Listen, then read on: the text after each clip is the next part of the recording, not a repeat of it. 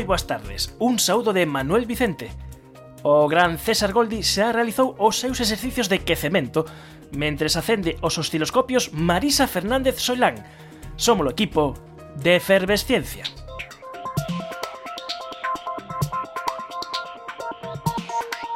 Courel dos tesos cumes que ollan de lonxe. E iquí síntese ben o pouco que é un home.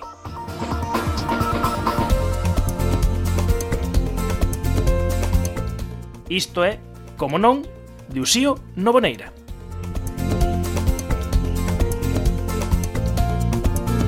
A maior biodiversidade de Galicia atópase concentrada nun espazo de 30.000 hectáreas no extremo occidental da Cordilleira Cantábrica, sendo tan só o 5% do territorio galego o Courel presenta case a metade das plantas do noso territorio.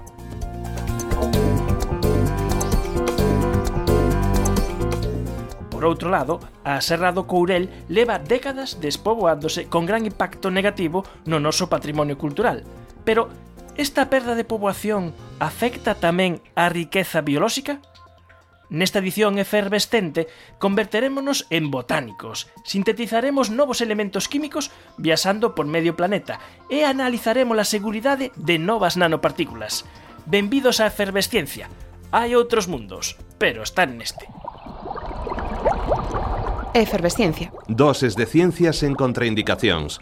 Patrocinado pola FECIT, Fundación Española para Ciencia e a Tecnoloxía, Ministerio de Economía e Competitividade, unha colaboración da Universidade de Santiago e a Radio Galega.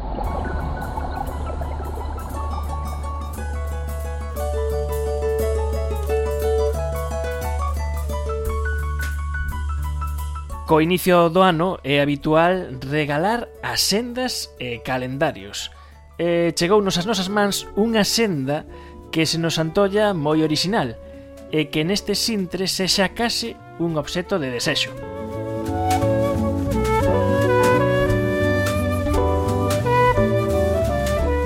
Cada ano, o Observatorio da Mariña pola Igualdade edita unha senda feminista temática. Moi boas tardes, Inés. Hola, boa tarde. Cal é a temática deste ano? Bueno, pois pues a temática deste ano son mulleres científicas galegas, elas na ciencia. Inés García Seijo é unha das persoas asociadas ao Observatorio da Mariña pola Igualdade. E xa levades varias edicións desta senda feminista. E coido que tratastes mulleres en moitos ámbitos, pero esta primeira vez que decidides centrala en mulleres científicas, en mulleres investigadoras. Sí, pois pues así mesmo. Empezamos no 2011 cunha temática xeral, que era 12 meses, 12 reivindicacións, e a partir de aí pues, dedicámoslo a mulleres en diferentes ámbitos culturais, a mulleres músicas, escritoras, poetas, teatreiras, e este ano pues, cambiamos e nos metemos coa, na ciencia, con mulleres científicas. E como se vos ocurriu isto? Bueno, pues, eh, se toman decisións nas reunións que temos e este ano unha compañeira pois, pues, propuxo o tema de mulleres na ciencia. A raíz, creo recordar que escoitara un programa de efervescencia donde falaba desde pois, pues, de alguna muller científica e xurdeu o tema e entón, bueno, pois acordamos eh, que era interesante pois visibilizar o, muller, o papel das mulleres en todos os campos, pero na ciencia pois casi con casi por decirlo de alguna maneira están incluso máis invisibilizadas, non? Que en algún outro campo máis cultural. Eh, 12 mulleres, 12 meses, mulleres como eh, Vanessa Valdeiglesias, que é especialista en toxicoloxía xenética, uh -huh. eh, Josefina Linlín, astrónoma, eh, África González, eh, Sonia Villapol, Alicia Estevez, Elena Vázquez Zabal, a matemática especialista en xeometría e topoloxía, Isabel Loza, eh, tedes un poquiño de todos. Todas elas son experimentais. Sí, a, idea foi esa, non? Cando empezamos a falar de eh, facelo alrededor de mulleres científicas, bueno, pois había moitos campos, non? E decidimos este ano empezar por mulleres científicas experimentais, mulleres que están nun laboratorio, non? Esa foi a idea, deixamos o campo aberto pois a continuar por aí con outras áreas da ciencia. Eh, seguindo con esta axenda feminista, eh, cada mes unha muller, unha investigadora, cun texto delas, eh, cunha foto, logo cunha eh, pequena semblanza eh, bibliográfica. E ademais eh, tamén chamou a atención a portada original de Oreli Pello. Sí, eh, tamén, bueno, pues, foi unha, unha portada ligeramente distintas que tiñamos nas edicións anteriores e, bueno, como dís, a súa autora, a, a ilustradora Oreli Pello, que é unha rapaza bretona, que chegou a Galicia como auxiliar de conversa, xa fai uns anos e quedou aquí e agora está pues, meténdose no mundo da ilustración. E efectivamente, pues, o, seu, o deseño desta xenda chamou moito a atención, non? É unha das cousas que gustou moito. E dixemos ao principio desta conversa con Inés García Seijo que esta xenda é un obxecto de desexo E non sei se a estas alturas é posible conseguila ou xa esgotastes todas todos os exemplares. Pois penso que están todos esgotados, que neste momento xa é imposible conseguila. Xa é un obxeto de desexo realmente. Se alguén lle quedou por aí algunha, sin agasallar, pero no mercado non hai xa ningunha. Non. É unha mágoa, non? Que xa xente que a queira e non a poda conseguir, pero bueno, reflexa o éxito que, que tivo. Parabéns por esta iniciativa, por dar a coñecer a mulleres investigadoras galegas, algunhas delas pasaron polos nosos micros, pero outras non. Entonces as poñemos na nosa listaxe de seguintes entrevistadas. Moitas grazas Inés García Seijo do Observatorio da Mariña para a Igualdade. Moitas grazas por atendernos. Moi ben, gracias a vos. Hasta logo.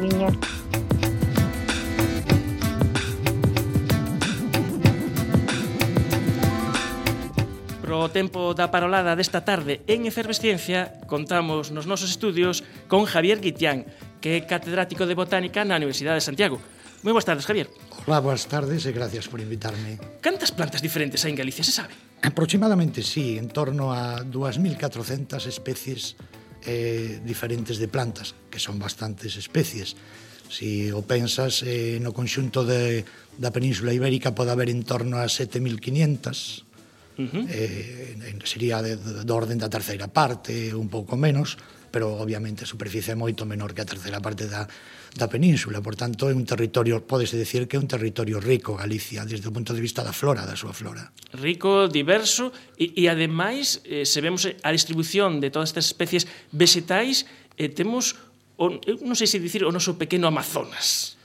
Sí, bueno, é unha distribución que obviamente é heteroxénea porque claro, ten hai zonas máis ricas, zonas no litoral, zonas no interior, zonas de de lagunas de interior tamén, pero bueno, se pode decir un pouco que a zona clave para a riqueza botánica é a Serra do Caurel.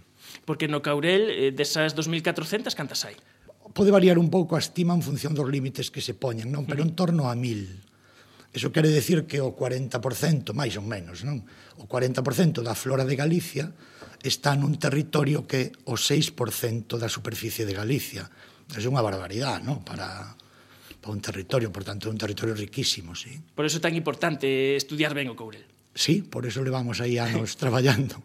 E cambiou moito, eh, non sei, un, botando a vista un século para atrás, cando andaba, por exemplo, o botánico Merino eh, facendo as súas recolleitas eh, desde o punto de vista social tremendamente, porque eh, o Caurel tiña o chegou a ter en torno, digamos, o Concello, inda que variou un pouco o que o, que o Concello co paso de tempo, do tempo, chegou a ter creo que en torno a 6.000 habitantes ou algo así. Cando eu fixen a tesis doctoral no ano, eh, nos anos 80, había eh, 2.400 habitantes. E neste momento parece que hai en torno a residentes 700 habitantes. Por tanto, o a despoblación foi foi tremenda, para que vos fagades unha idea, non hai prácticamente unha unha aldea que teña un un un neno. Uh -huh. eh, o sea, o, o colegio que tiña 250 habitantes fai uns anos, neste momento quedan 31 nenos, non? E desde o punto de vista natural, pois igual, porque as actividades que, que se desarrollaban, eh, a agricultura tradicional, moitos dos usos que tiña o territorio, se van perdendo, eso está contribuindo a perder tamén riqueza biolóxica, ainda que hai unha opinión que, que dice que non, eso está ocurrindo, eh, eh sí. Eh, eso temos que eso mm, temos que afondar eh, nesta nestes datos que, que acabas de dicir, porque eh, se o Caurel cambiou, tamén cambiou moito Galicia e temos eh, unha Galicia costeira eh, moi densamente poboada, que eso supón que tamén terá unha afectación na biodiversidade e logo temos un interior que se está despoboando. Eso sería a fotografía moi xeral de Galicia. Sí, moi xeral, pero certa. Quero dicir que o, aquí temos un desequilibrio tremendo porque eh, as tres cuartas partes do territorio están ocupadas polo 25% de población, é dicir, moi poquinha xente vive na, no que sería a gran eh, no que sería a Gran Galicia, no? E, sin embargo, toda a área litoral en torno máis ou menos a, a, a autopista A6 está ocupada polo 75% do, da población, non? Eso son dous escenarios completamente diferentes. Sin embargo, paradóxicamente, o resultado que, que, que estamos vendo é que eh, están parecendo cousas moi parecidas. Os procesos son diferentes, pero cousas moi parecidas. Que, que ocorre na zona litoral, na zona da costa? tremenda presión eh, industrial, eh, urbanización, plantacións de, de especies alóctonas, dos eucaliptos e tal, e perdemos biodiversidade, non? E que ocorre na parte interior? Abandono dos usos tradicionales, pérdida de, bio, de, de biodiversidade. É unha cosa que ahora está empezando a demostrar que é así. O sea, que non é millor eso de que oh, temos máis bosque, mm. ou aumentou o bosque na provincia de Lugo. Eso desde o punto de vista da biodiversidade non é unha boa noticia.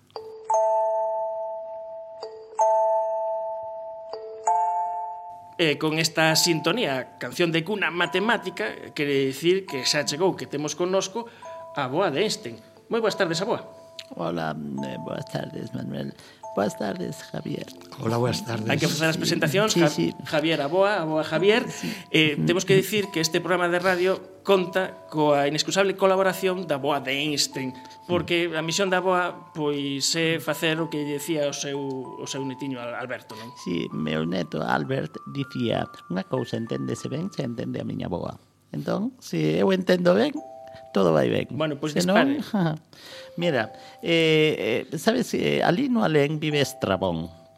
Sabes? E, e en torno a Estrabón hai unha lenda, non? Que, que foi difundida por outro recén chegado no Alén, bueno, recén chegado, chegou fai uns anos, Rodríguez de la Fuente, naquel programa que tiña o Mea Terra, que dixo aquilo de que un esquío era capaz de atravesar toda a península ibérica de árbore en árbore. E Estrabón xura e perxura por toda a eternidade que el nunca dixo iso.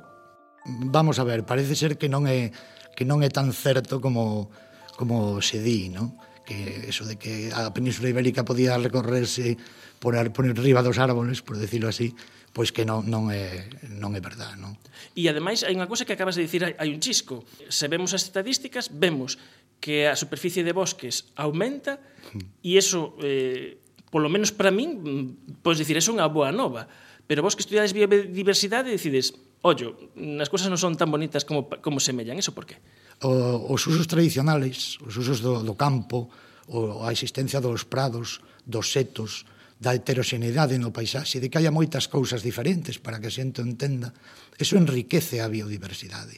Eso, basicamente, en territorios como os galegos da montaña, estaba eh, eh, mantido ben ou pola actividade gandeira ou por outro tipo de actividade agraria, moitas veces vinculada á actividade gandeira. No, no momento que todo iso se perde, O que pasa é que pola sucesión natural da, da, da vegetación que calquera pode ver no seu pueblo ou na, nas cunetas, eso pasas a estar colonizado por un determinado matorral e despois pasa a estar determinado por un eh, a colonizado por un determinado tipo de bosque, non? Acaba sendo todo moitísimo máis homoxéneo.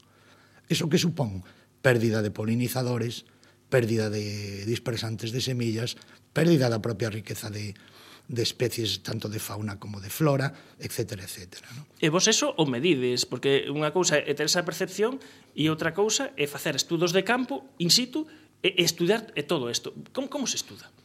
Pois non, non é moi complicado, basicamente o que tens que ter un pouco é un, un diseño ben feito, é dicir, que o que collas non poda mal que as mostras que colles non se podan malinterpretar despois eh, nos resultados. No? Por exemplo, nós o que tratamos de, de ver foi, eh, por poñer un caso concreto, na Serra do Caurel, os bosques de Castiñeiros, sempre se dice que os bosques de, de Castiñeiros que non se poden eh, limpiar, que non se poden tal, porque iso contribuye eh, a perder a perder riqueza. Non? Entón, nós o que fixemos foi coller eh, diferentes tipos de bosques por toda a Serra do Caurel, a Serra de Ancares, caracterizalos, uh -huh. non, é, non é unha cousa difícil, canto miden, que edad teñen os árboles, etc. Que grado de conexión teñen estos con outros, é dicir, se están moi cerquiña de outro bosque ou non, etc. etc. E o que fixemos foi eh, contar o número de plantas que hai no bosque, diferentes, o número de especies diferentes, o número de especies de páxaros que hai nos os bosques, o número de especies de coleópteros, de escarabajos, que hai neses bosques, o número de formigas que hai neses bosques e o número de ratos que hai neses bosques.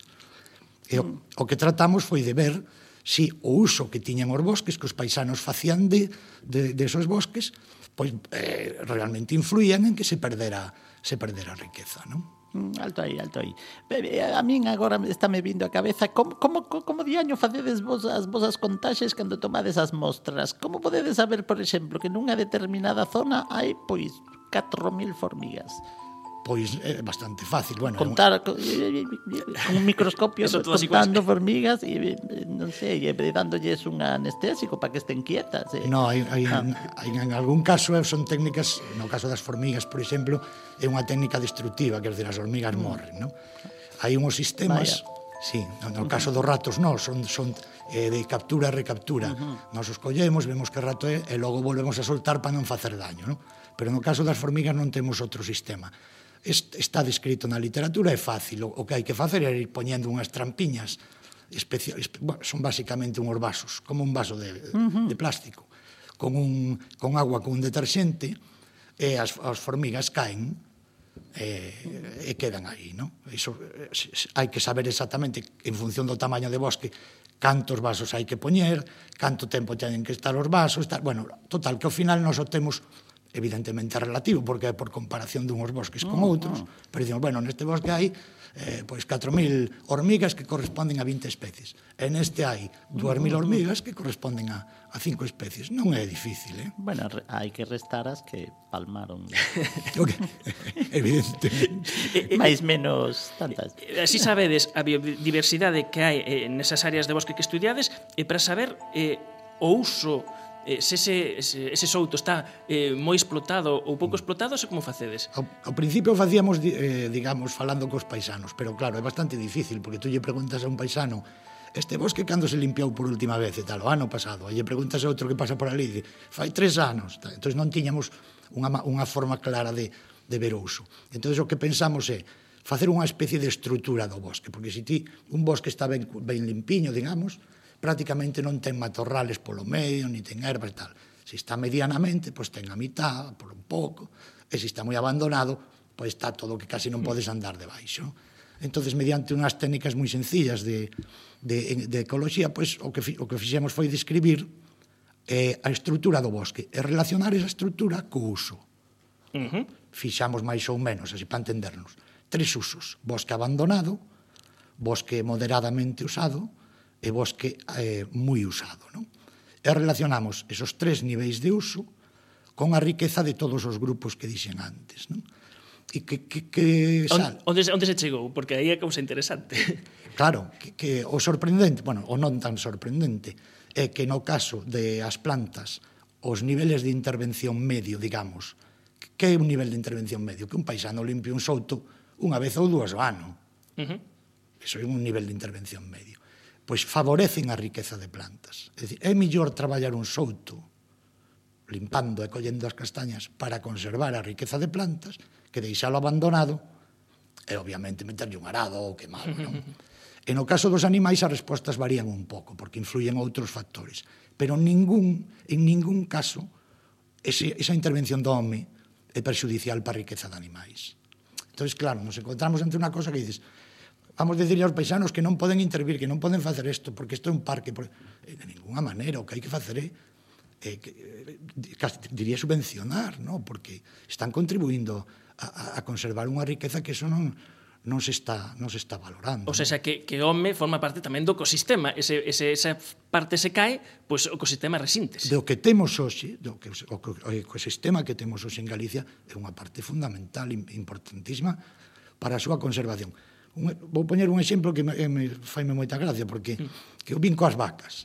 Resulta que nós traballábamos este, estos anos pasados cunha planta que se chama xanzá, que se, é unha planta que o amargo do vermú, é unha planta medicinal e todo eso. Bueno, resulta que ahora xanzá está prácticamente nos catálogos de, de bueno, está pola Cordillera Cantábrica, chega a Galicia, ¿no? A, o macizo orensano, tamén o caurel, ancares e eso. Bueno, está nos catálogos de especies protegidas. Eso quere decir, cando as meten nos catálogos de especies protegidas, que vai moi mal, non? Uh -huh. Vai moi mal, tremendamente mal. Bueno, que lle pasa a Xanzá?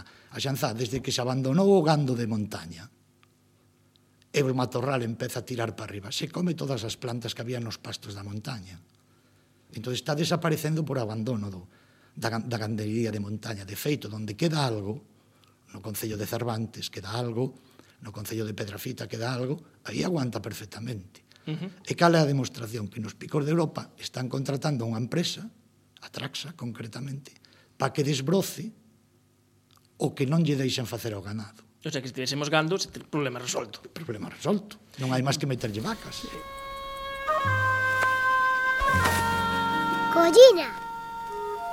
Con moito cuidado, eh? Non nos hai que mancar.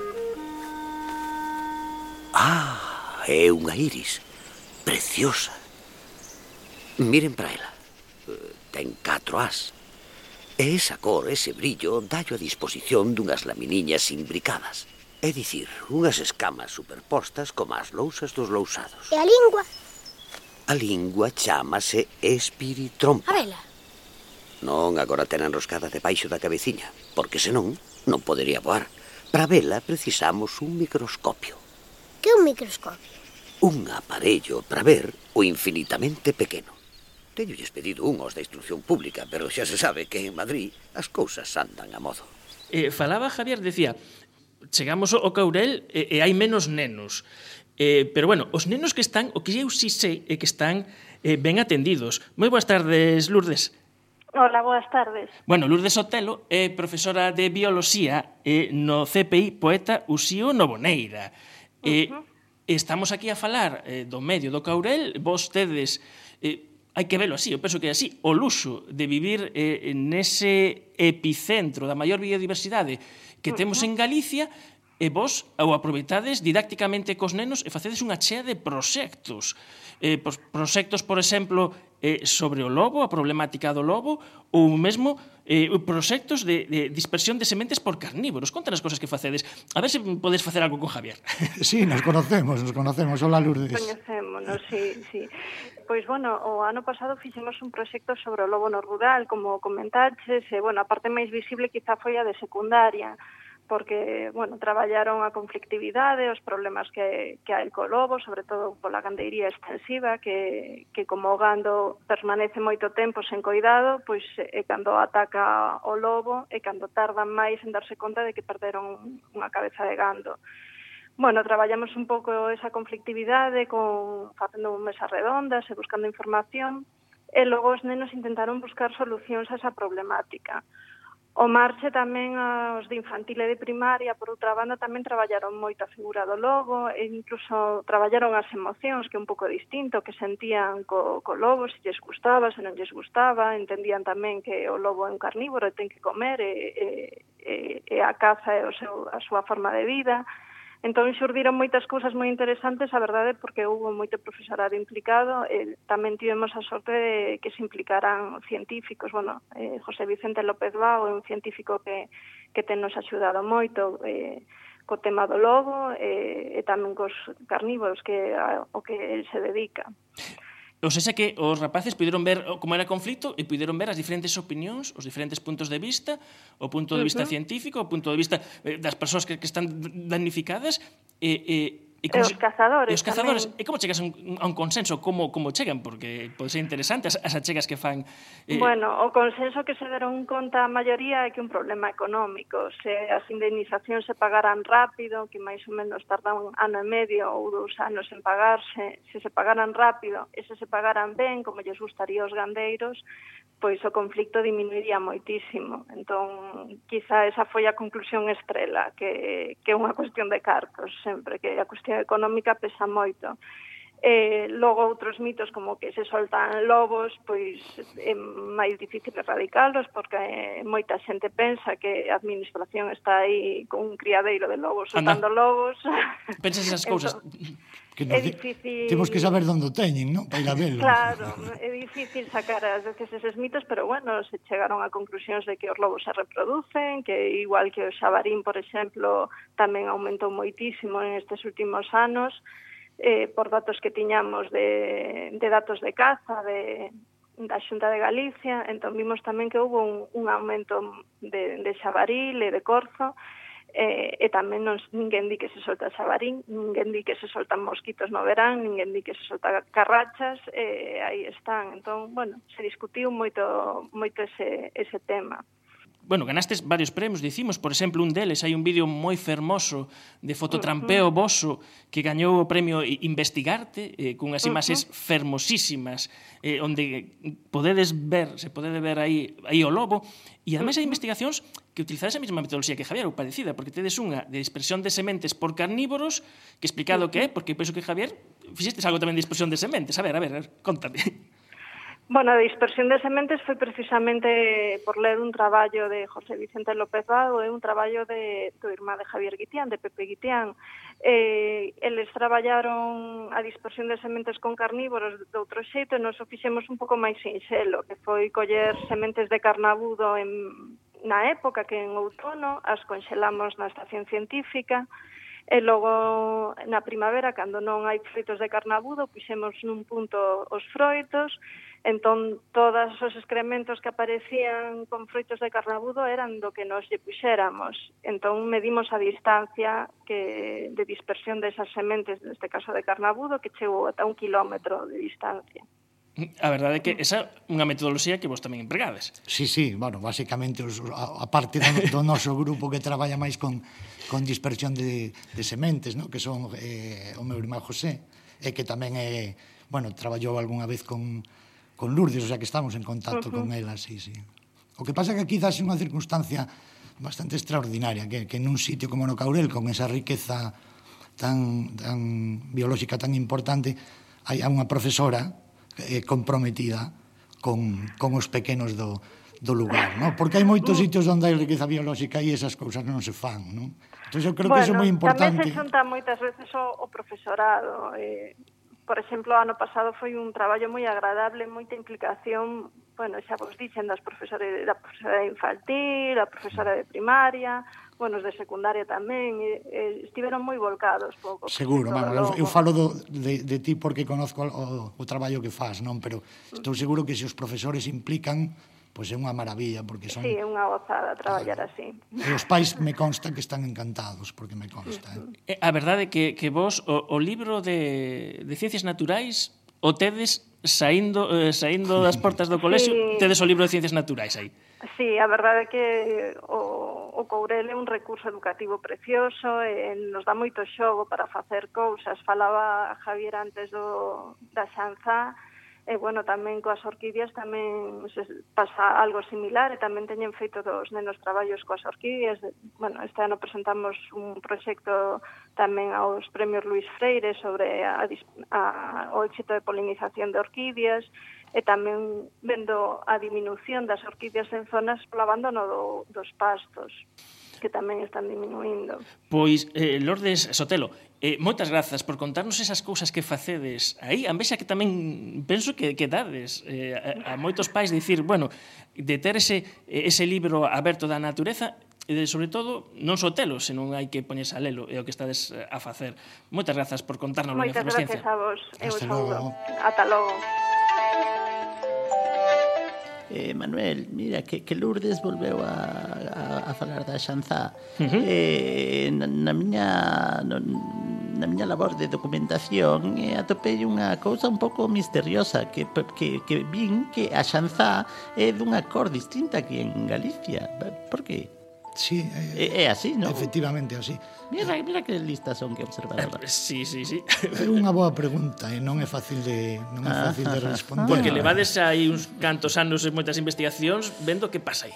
Sí, bueno, evidentemente ten unha base xenética, é dicir, hai unha serie de de, de procesos, digamos, e de produtos eh, químicos, de componentes químicos que fan que unha que unha xanzá por, teña un color, o color o amarelo, que é a que está na parte, digamos, máis oriental da Cordillera Cantábrica, e, sin embargo, que a nosa eh, eh, teña o, o, un color diferente, que é un color roxo ou naranxa. No?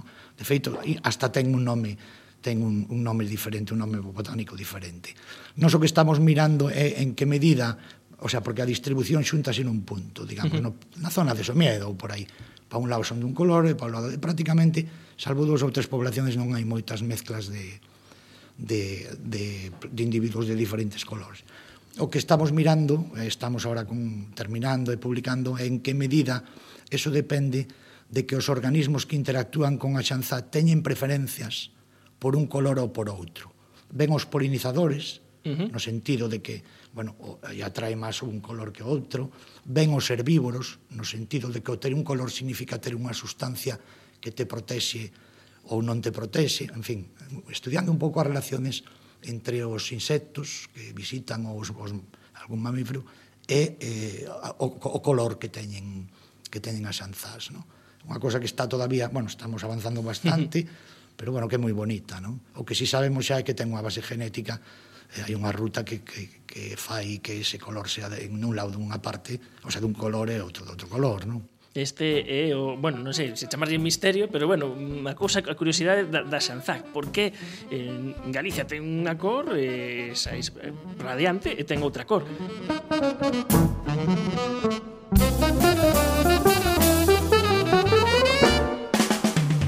Pois moitas grazas, Javier Guitián, catedrático de Botánica da Universidade de Santiago. Eh, moitas grazas por achegarte os nosos estudos. Eh, Manuel, Manuel, Manuel. Diga, boa. É que hai un misterio que a mí... Outro. Sí, sí, sí, sí, sí que a mí me... Mira, na miña labor de investigación, eh, cando me enterrei que viña que viña guiteando a Universidade de Santiago de Compostela, fun a buscar en Google para cotillear.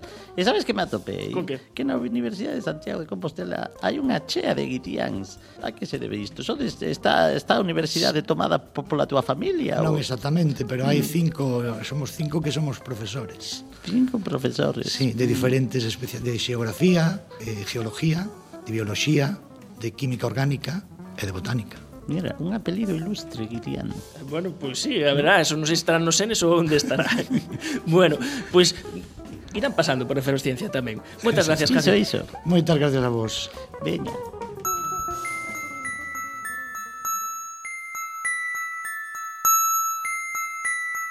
A semana pasada, a Real Academia Galega de Ciencias entregou os seus premios de investigación Ernesto Beitez Cortizo 2015.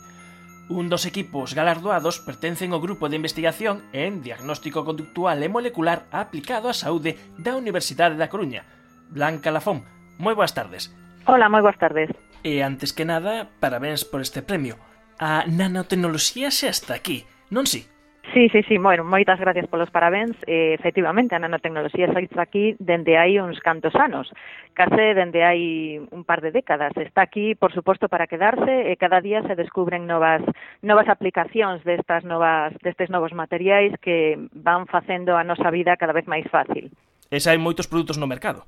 Sí, sí, polo, polos registros que hai agora mesmo, eh, prácticamente se superan os 1.500 produtos que hai no mercado xa comercializados que conteñen nanomateriais. E no vosso traballo, este traballo premiado pola Real Academia Galega das, das Ciencias, analizade a seguridade in vitro eh, dun produto nanotecnolóxico con potenciais usos en nanomedicina.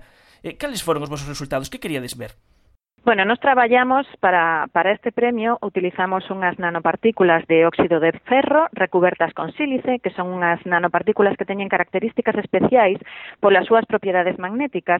Estas características especiais fan que sexan eh, especialmente aplicables en biomedicina. Por exemplo, son utilizadas xa, xa están aprobadas para o seu uso en clínica para mellorar o diagnóstico por imaxe de resonancia magnética, é dicir, se utilizan fundamentalmente para diagnóstico, pero tamén teñen futuras outras aplicacións na liberación dirixida de medicamentos ou, por exemplo, tamén en terapias dirixidas contra o cáncer para eliminar os cánceres por hipertermia.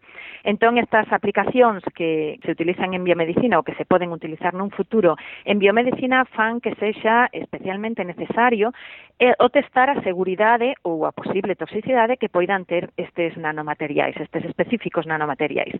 E nos empezamos polo que sería a primeira o primeiro eslabón na cadena cadea do testado da toxicidade, que son os estudos in vitro.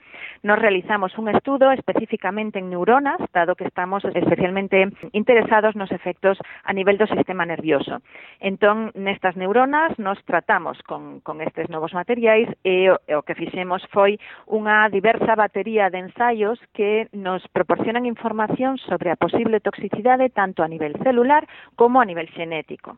E os nosos resultados o que nos fixeron ver é que estas nanopartículas son bastante seguras, xa que somente eh, acadamos resultados positivos en elevadas concentracións en tempos de exposición longos. E como ves de dicir, empregades ese modelo neuronal in vitro eh, para estudar neste caso estas nanopartículas eh, nunha tempada efervescente anterior nos contastes eh, que andabades a estudar os efectos dos vapores do vertido do pestís en ratas mm, isto mm. quere dicir que para analizar toxicolóxicamente eh, un produto se require unha batería de test eh, eh, longa e tamén depende cal vai ser a súa aplicación Sí, sí, así é, así é. Os estudos de toxicidade sempre teñen que comenzar por estudos in vitro, que son os que teñen as condicións de exposición máis controladas. Entón, proporcionan unha información inmediata sobre cal pode ser a posible toxicidade destas partículas. Estes estudios in vitro dan resultados positivos, son un signo de alarma. Se os resultados son negativos, eh, normalmente se continúa facendo novos estudos con animais de experimentación. Usualmente se utilizan ratas porque son animais eh, moi, moi doados de tratar no laboratorio. É moi importante que todos estes novos produtos nanotecnolóxicos estean testados e ben testados. E, e hai conciencia desta necesidade tanto nas autoridades ou tanto nos produtores, nos investigadores? Bueno, esta necesidade, mm, a conciencia está crecendo cada vez máis, ao principio non había moita conciencia, de feito, eh, a proba é que xa hai no mercado moitos produtos que conteñen nanomateriais que aínda non están testados para a súa toxicidade. Pero tamén esta avaliación da, da seguridade ou da toxicidade dos materiais depende grandemente da posible aplicación que se lle dea, é dicir, non é o mesmo un material que vai ter utilidade a nivel informático ou a nivel industrial, que en principio o seu contacto co ser humano é indirecto, que, que outros materiais que se utilizan directamente para ser utilizados en clínica, é dicir, para ser introducidos no organismo humano. A, a avaliación da seguridade deses materiais ten que ser moito máis exhaustiva. Pero, eh, como ti dicías, mm, realmente nestes últimos anos está crecendo a conciencia de que a seguridade deses nanomateriais é importante que se xa coñecida, é importante que se xa testada antes de sacar esas novas aplicacións ao mercado. E no teu discurso de agradecemento a pasada semana semana mm. na Real Academia Galega de Ciencias, falabas que os resultados de investigación son incertos, non se sabe onde van a acabar, pero uh o que eh, si é certo é que se non hai medios é imposible acabar en ningures. Efectivamente, sí. Así é, eh, ese é un, un alegato que, que fixen eu nese momento porque se me deu a oportunidade, pero dende logo eh, nos medios de comunicación están saindo comunicacións de diversas asociacións científicas eh, poñendo de manifesto que é importantísimo que os fondos que se dedican a investigación non disminúan tantísimo como están disminuindo nos últimos tempos, senón que realmente hai que concienciar ao público en xeral e concienciar as autoridades que teñen a, a posibilidade de, de tomar ese tipo de decisións de que o futuro dun país, o avance dun país é directamente proporcional ao porcentaxe do PIB que se dedica a investigación. Eh, isto é fácil de ver nalgúns aspectos da investigación, na investigación aplicada, moda que ten eh, relación directa cos novos produtos que se sacan ao mercado, pero é máis difícil de ver na investigación básica, é dicir, a investigación básica que eh, eh, é aquela que non ten por que ter un porqué, senón que simplemente se dedica a incrementar o noso campo de coñecemento. Mm. Entón, encontrar aplicacións futuras para esa investigación básica é difícil, é, é moi difícil, pero, sen embargo, pensamos que é absolutamente fundamental para o avance dun país. A investigación básica ven sendo como a canteira da ciencia. Se non tes eh, boa canteira, non podes ter boas investigadores. Se non tes boa canteira de ciencia, non podes chegar ao final a ter eses grandes resultados. Sí, así é, así é.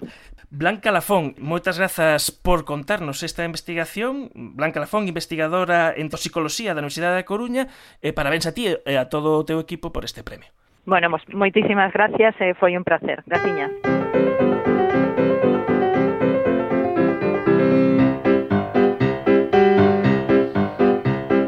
There's antimony, arsenic, aluminum, selenium, and hydrogen and oxygen and nitrogen and rhenium, and nickel, neodymium, neptunium, germanium, and iron, americium, ruthenium, uranium, Esta canción creouse en 1959. Son os elementos da táboa periódica cantados polo músico Tom Leher.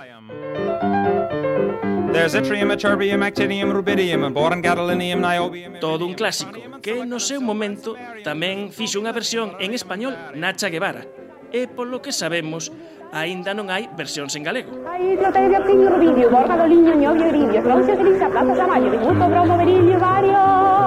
¿No les parece interesante? Yo me imaginé que les gustaría. Espero que estén prestando atención, ¿no? Cando Lerer fixo a composición orixinal, a tábua periódica tiña 102 elementos. E co anuncio a principios de ano de que a IUPAC vai incorporar catro novísimos elementos o número de casiñas completas. Nesta que é a pedra roseta dos químicos xa temos 118 elementos. Hay ácidos perlejónicos medio berkelio, también merenio, serio, bellordón, criptón, neón y rollo, cloro, carbón, cobalto y sodio. Estos son los elementos por Lelo ha reconocido. Debe haber algunos otros, más no han sido descubridos.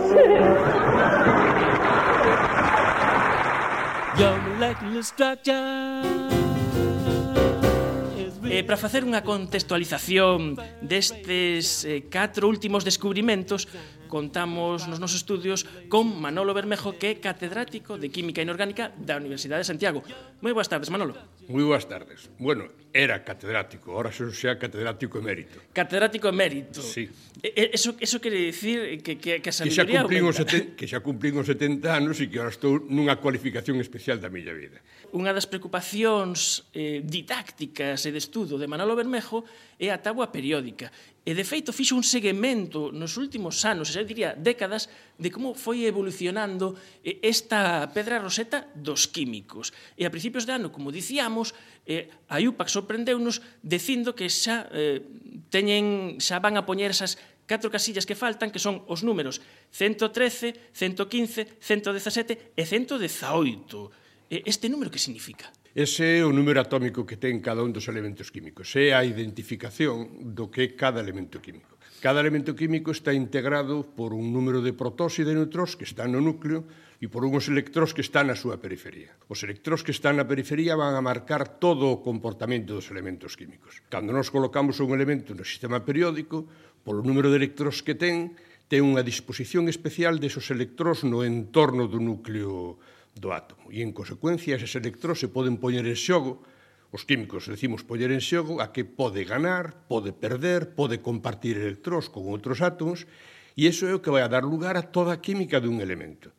Nos simplemente por saber o número atómico do elemento, por exemplo, do 118 preparouse un átomo. Un átomo. O número de valor de átomos son 602 por 10 elevado a 23 átomos. 10 elevado a 23 átomos, trillóns de átomos. 23 gramos de sodio teñen exactamente 602 por 10 elevado a 23 átomos. Bueno, pois pues, en este momento destes ultimísimos elementos químicos que estamos preparando, preparamos átomos.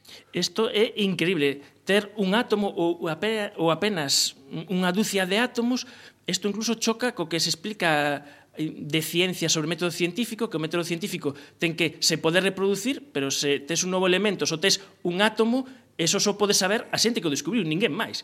Bueno, eh, ese é o principio precisamente que rixe ahora nestes últimos elementos. Sigue rexendo o principio de reproducibilidade. Por eso non vale un único experimento. Vale un experimento e que alguén que refrende que ese experimento é certo. Eh, para entender un pouco que son estes elementos químicos, compre tamén falar de como se preparan, cal é o método de obtención, que realmente é un, un procedimento tremendamente sofisticado. Porque isto isto só poden facer eh, en moi poucos sitios no mundo. Claro, claro, claro.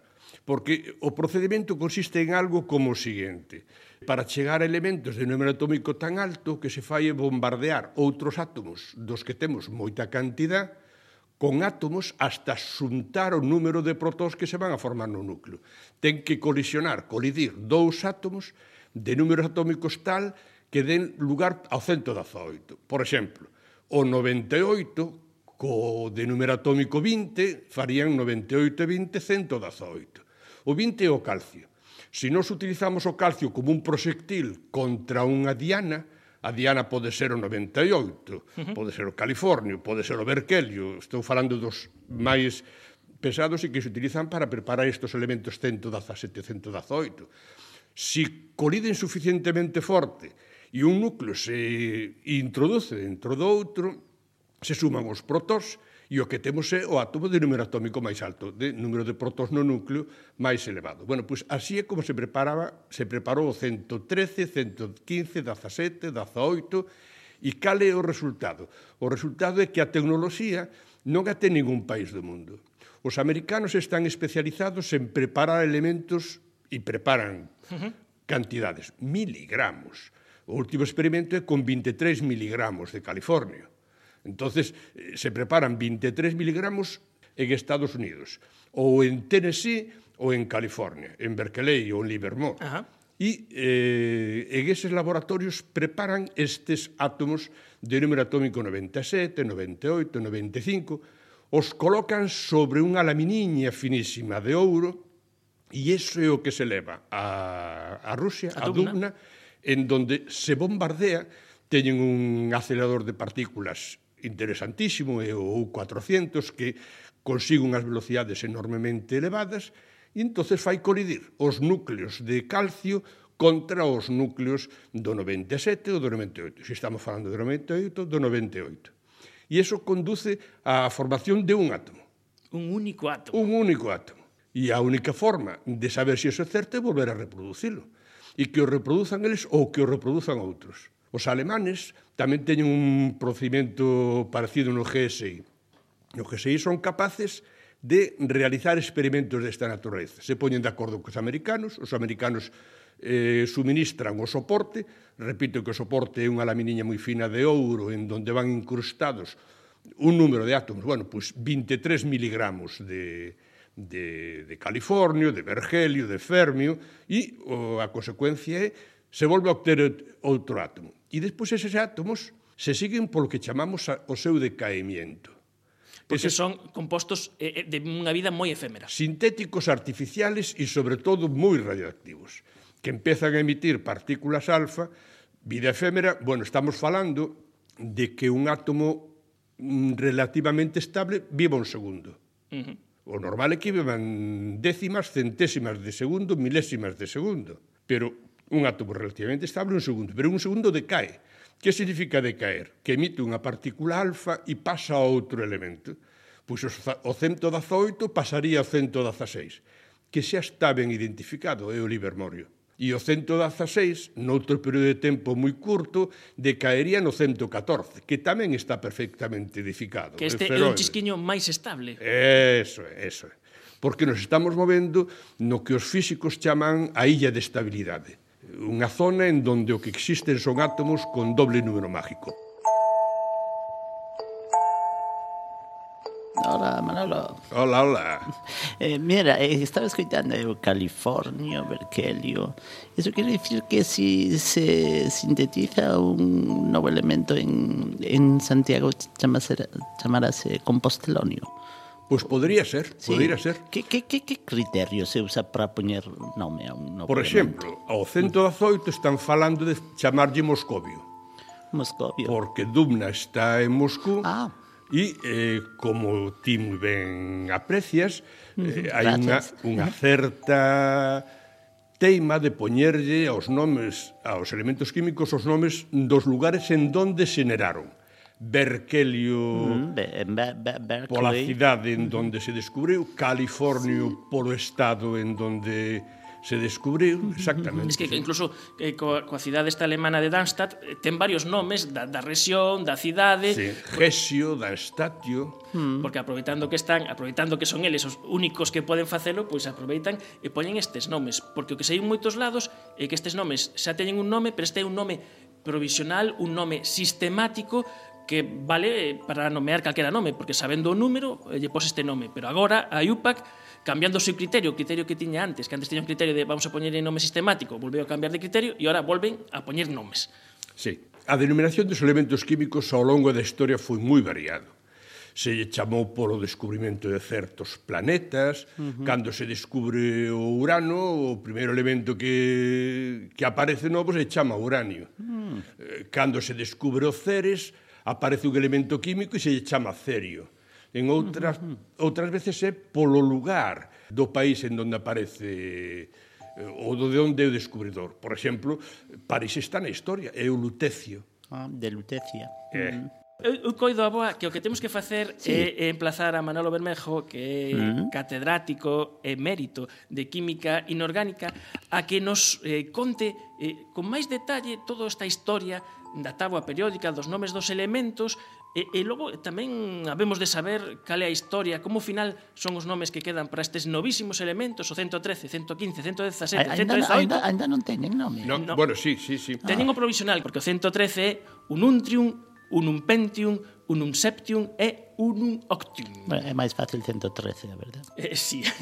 Para nós, pero internacionalmente non. No, porque no, a denominación claro. en latín dos números que identifican mm. o elemento. Ah. Un é unium, dous é bio, tres e trium, mm. catro e quadrium, quinto, eh, cinco e sí, pentium. Sí, sí, sí. Entonces, un, un trium é uno, uno, un, tres. tres. Un, un pentium é un, un, cinco. Mm-hmm. un un septium é un un sete. É a denominación máis clara que se pode que se pudo admitir para os elementos químicos, pero hai unha mm-hmm. controversia porque hai autores que queren poñerlle o seu nome, eles, nomearse claro, claro. propiamente, mm-hmm. como Sibor. Sí, o eco é algo de, común a todas as profesións. Eh, exacto. Desto, desto habrá máis. Eh, como o tempo na radio eh, vai así, eh, despedímonos, pero despedímonos cun, un, eu coido que casi cunha primicia, porque falábamos desta canción dos elementos, que empezaba con 102 elementos, e xa houbo quen eh, moi habilmente xa fixo a canción cos 118 elementos, incorporando estes catro novísimos elementos. La, la, la, la, la, la, la, la, la, la, la, la.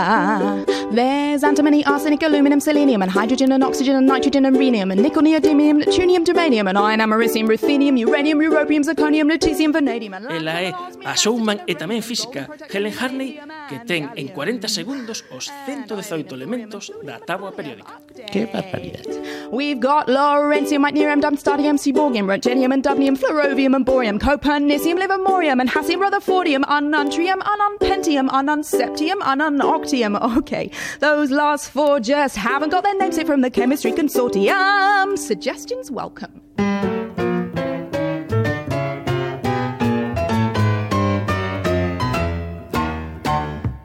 Efervesciencia. Patrocinado pola FECIT, Fundación Española para a Ciencia e a Tecnoloxía, Ministerio de Economía e Competitividade, unha colaboración da Universidade de Santiago e a Radio Galega.